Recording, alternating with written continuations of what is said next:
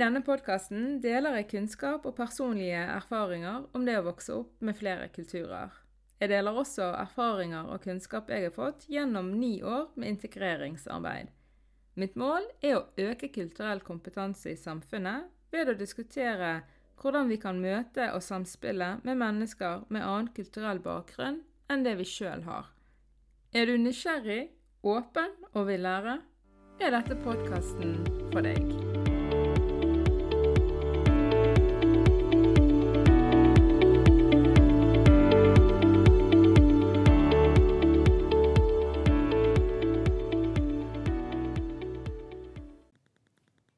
Hei, alle sammen, og hjertelig velkommen til syvende og siste episode av Hvor er du egentlig fra?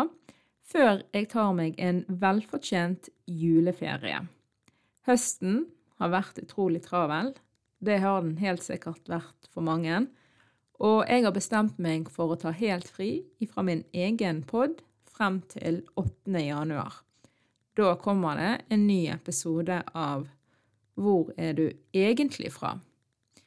Meld deg på nyhetsbrevet mitt på nettsiden min, så får du en liten påminner om en ny episode på nyåret. Og du melder deg ganske enkelt på nyhetsbrevet på min hjemmeside navarsayad.no. I dag ønsker jeg å gi dere noen perspektiver på hvorfor og hvordan et krysskulturelt foreldreskap kan være krevende. Og jeg gjør det ved å bruke et eksempel som provoserer meg veldig mye, eh, men da altså hijab på små barn.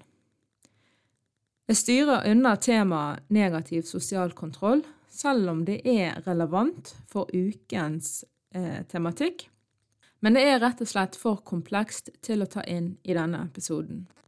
Ofte så snakkes det også mest om barna og hvordan ting går utover barn. Jeg syns at foreldreperspektivet kan løftes mer og tematiseres for å få et bedre grunnlag til å forstå hva som kan bevege seg i krysskulturelle familier. Det er ikke alltid at migrasjonskonteksten gir oss alle svar, og selv når vi har svarene, så kan ting fortsatt være vanskelig. Men å stille oss nysgjerrig og undrende til det vi ser, og å utvide vårt kunnskapsgrunnlag, det er et godt utgangspunkt. For noen år siden så begynte jeg å legge merke til et fenomen som jeg ikke hadde vært oppmerksom på før.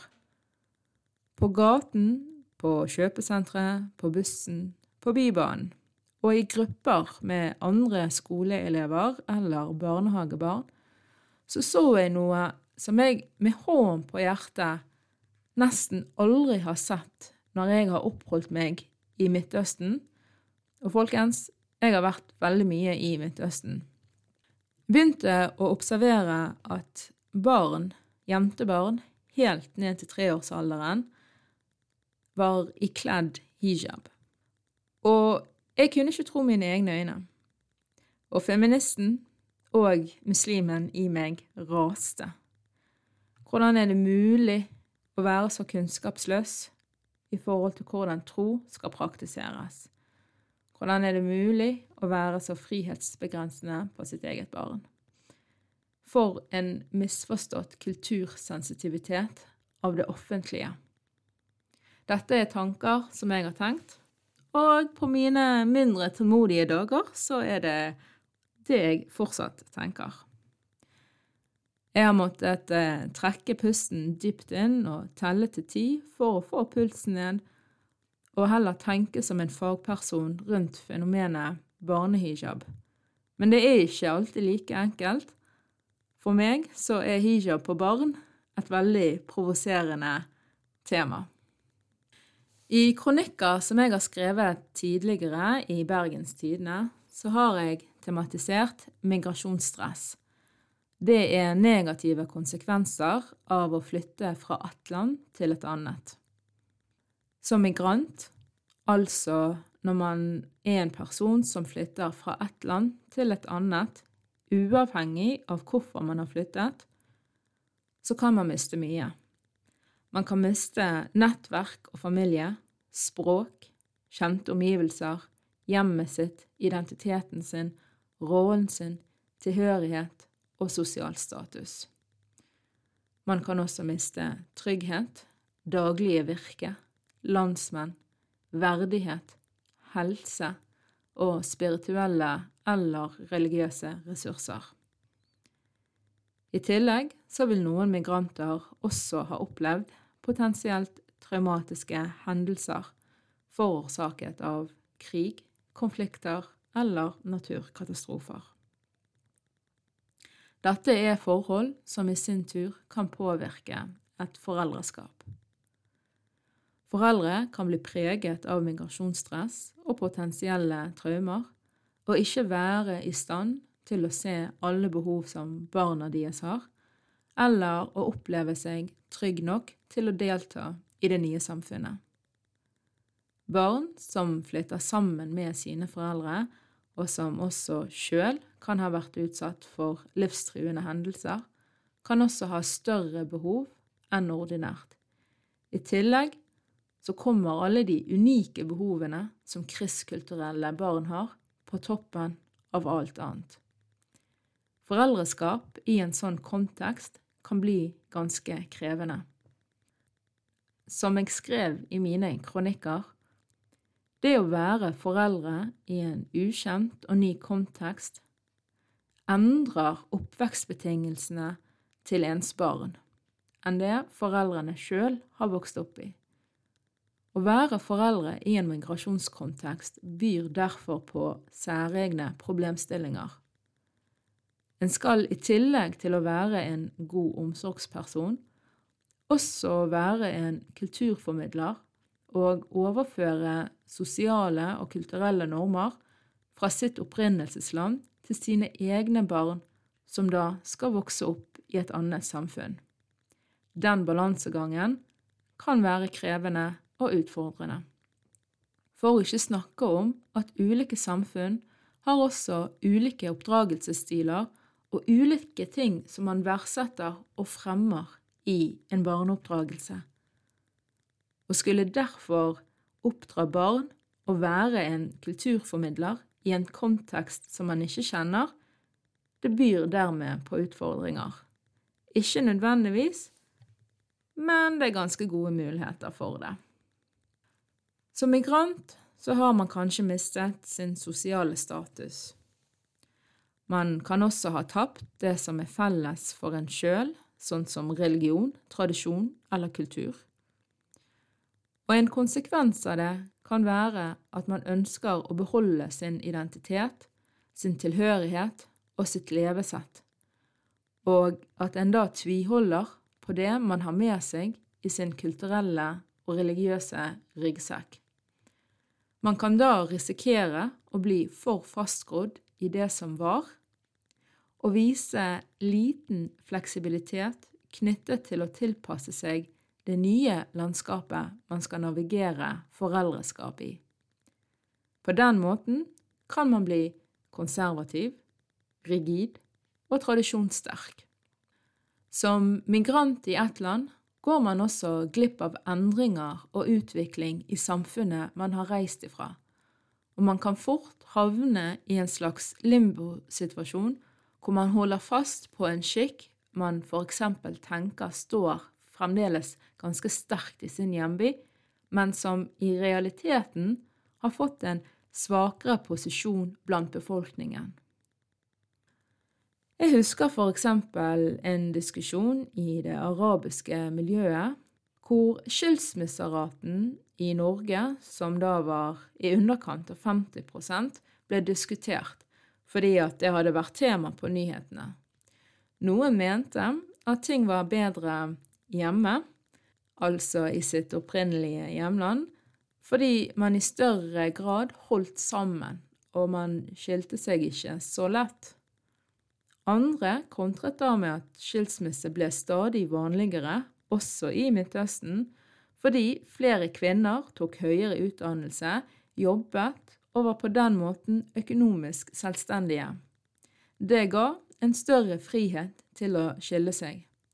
Og det er et banalt, men allikevel illustrerende eksempel på hvor lett det er å forestille seg at samfunnstendenser er statiske, altså at de ikke endrer seg, og på den måten få et skeivt bilde av det en kommer ifra, og det man flytter til. Sånn kan man fort oppfatte at livet i sitt opprinnelsesland er bedre enn det man har kommet til. Som migrant så har man kanskje gått fra å ha en rolle som en kollega, som en sønn og venn. Men i Norge så får en rollen som klient eller arbeidssøker, flyktning eller utlending. Det som var verdifullt og det som anerkjennes i hjemlandet, har kanskje ingen verdi i det nye samfunnet. Å være hjemmeværende mor er eksempel anerkjent som en verdifull kvalitet og rolle i flere land verden rundt. Det er det ikke i Norge. Innen familien har dynamikken kanskje endret seg. Mens barna skyter med full fart inn i det nye samfunnet, så henger foreldrene etter. Språket er vanskeligere å lære seg, og det er vanskelig å komme i kontakt med norske. Barn lærer seg som kjent språk fortere enn voksne, og havner fort i et system hvor de kommer i kontakt med jevnaldrende norske.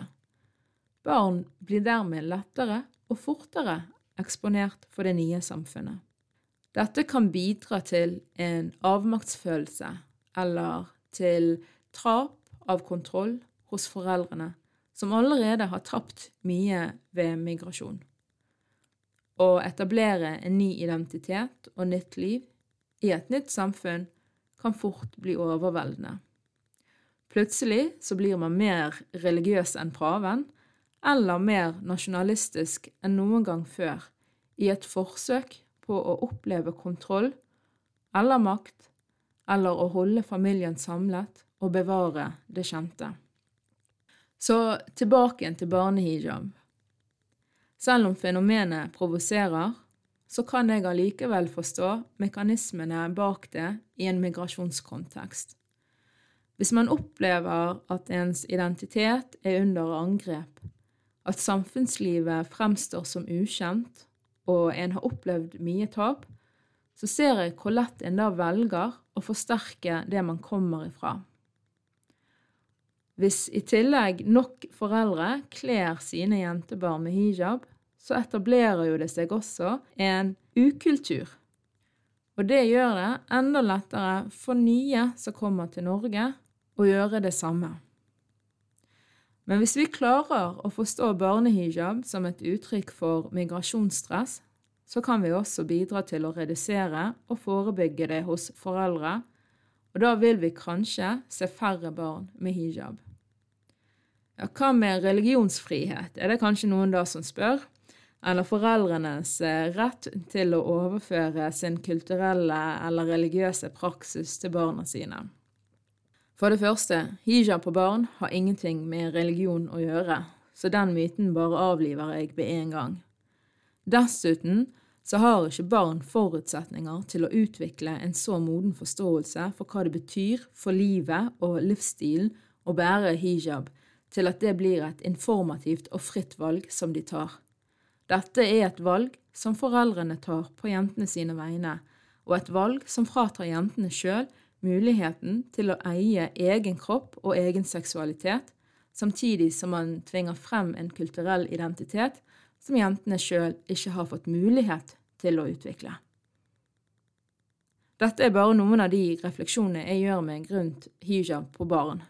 Men det sentrale spørsmålet for dette eksempelet, det er hva er det som gjør at noe som ikke er vanlig praksis i muslimske land, blir det ved migrasjon? Vi må forstå dersom vi som et samfunn skal bidra til at krysskulturelt foreldreskap blir enklere å navigere. Og barnehijab det er bare ett eksempel som kan illustrere hvordan migrasjonsstress kan uttrykkes men det finnes mange andre måter det kan komme til uttrykk på, som eksempel gjennom vold i nære relasjoner, psykisk uhelse og isolasjon. For mine foreldre så var det viktig for de å kunne navigere det norske samfunnet. I kombinasjon med det norske samfunnslivet, sine egne røtter, kulturelle og religiøse identitet, så skulle de legge det beste utgangspunktet for seg sjøl og for sine barn. Godt krysskulturelt foreldreskap det beror etter min mening på hvor stor del av fellesskapet man er, og her er det store variasjoner. I mitt fagfelt så erfares det at de fleste velger samme strategi som mine foreldre, altså å ta vare på noe av det opprinnelige og samtidig ta til seg noe av det nye. Noen velger imidlertid å kutte alle eller nesten alle bånd til hjemlandet sitt. Andre velger å avvise det norske mens andre igjen ønsker å ta del i fellesskapet, men står allikevel utenfor det. Fagfolkene som lytter til denne podden, vil kjenne igjen disse strategiene som en del av den kjente modellen til psykologen John Widdop Berry, og han beskriver hvordan mennesker tilpasser seg et nytt samfunn. Som med alt annet, folkens, så er det selvfølgelig nyanser i dette, og mennesker kan på ulike tidspunkt bytte strategier. Rapporter som omhandler integrering, utarbeidet årlig av Integrering- og mangfoldsdirektoratet, viser f.eks. at jo lengre nye landsmenn bor i Norge, jo mer integrert blir de. Rasisme, diskriminering og lite anerkjennelse kan på sin side bidra til at folk tar avstand fra storsamfunnet. Dette er også forhold som kan hindre at folk som ønsker å ta del i samfunnet, faktisk får den muligheten. Foreldrene kan også tenke og forvente at de skal returnere hjem om kort tid, og en ser da ikke nødvendigvis hensikten med å investere i å bli kjent med et nytt samfunn. Noen blir allikevel her resten av livet, noen drar faktisk hjem igjen etter noen korte år. Mange ukrainere, for eksempel, som har kommet til Norge, de er veldig tydelige på at de vil dra hjem igjen så snart det er mulig. Det er selvsagt forståelig at man ønsker å returnere hjem. Men uansett årsak til at en flytter over landegrenser, og uansett hvor lenge en oppholder seg i det nye landet, så er det likevel bra for barn å få muligheten til å utvikle og navigere sin krysskultur. Ringvirkningene av å stå utenfor ett av ens kulturelle miljøer, enten det er på grunn av foreldrenes eget ønske eller som en effekt av at samfunnet ekskluderer andre, det er uheldig for barn. Barn som i bunn er kristkulturelle, kan gå glipp av å bli kjent med deres flere virkeligheter og mulighetene som kristkultur byr på. Barna kan oppleve utfordringer knyttet til sin identitet og tilhørighet, og disse utfordringene kompliseres ved at ikke de har noen voksne som kan støtte dem og hjelpe dem i å håndtere det de møter. På den måten så kan barn utvikle psykisk uhelse, oppleve krysspress og lojalitetskonflikter. De kan oppleve utenforskap, og de får heller ikke muligheten til å utvikle ferdigheter som kristkulturelle barn ofte tilegner seg. Dette har jo vært tema i flere av mine tidligere episoder.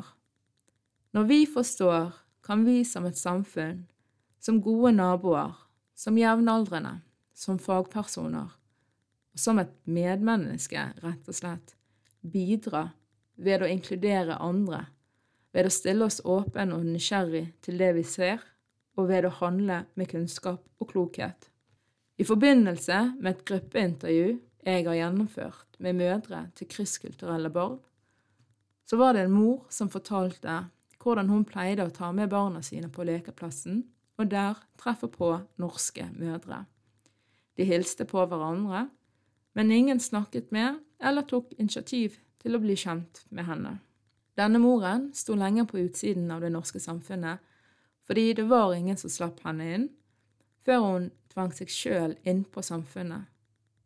Sånn kan vi ikke ha det, og samtidig forlange at migranter i Norge skal integrere seg bedre. Et krysskulturelt foreldreskap kan være vanskelig å navigere. Å finne balansen mellom det opprinnelige og det nye kan være krevende. Og det å tørre å, å ha tillit til det man ikke kjenner, kan være utfordrende. Men hvis vi forstår dette, så kan vi bidra positivt. Takk for at du har lyttet til denne ukens episode av Hvor er du egentlig fra? Håper du likte den, og hvis du gjorde det, setter jeg stor pris på at du liker, deler og følger podkasten. Takk for meg!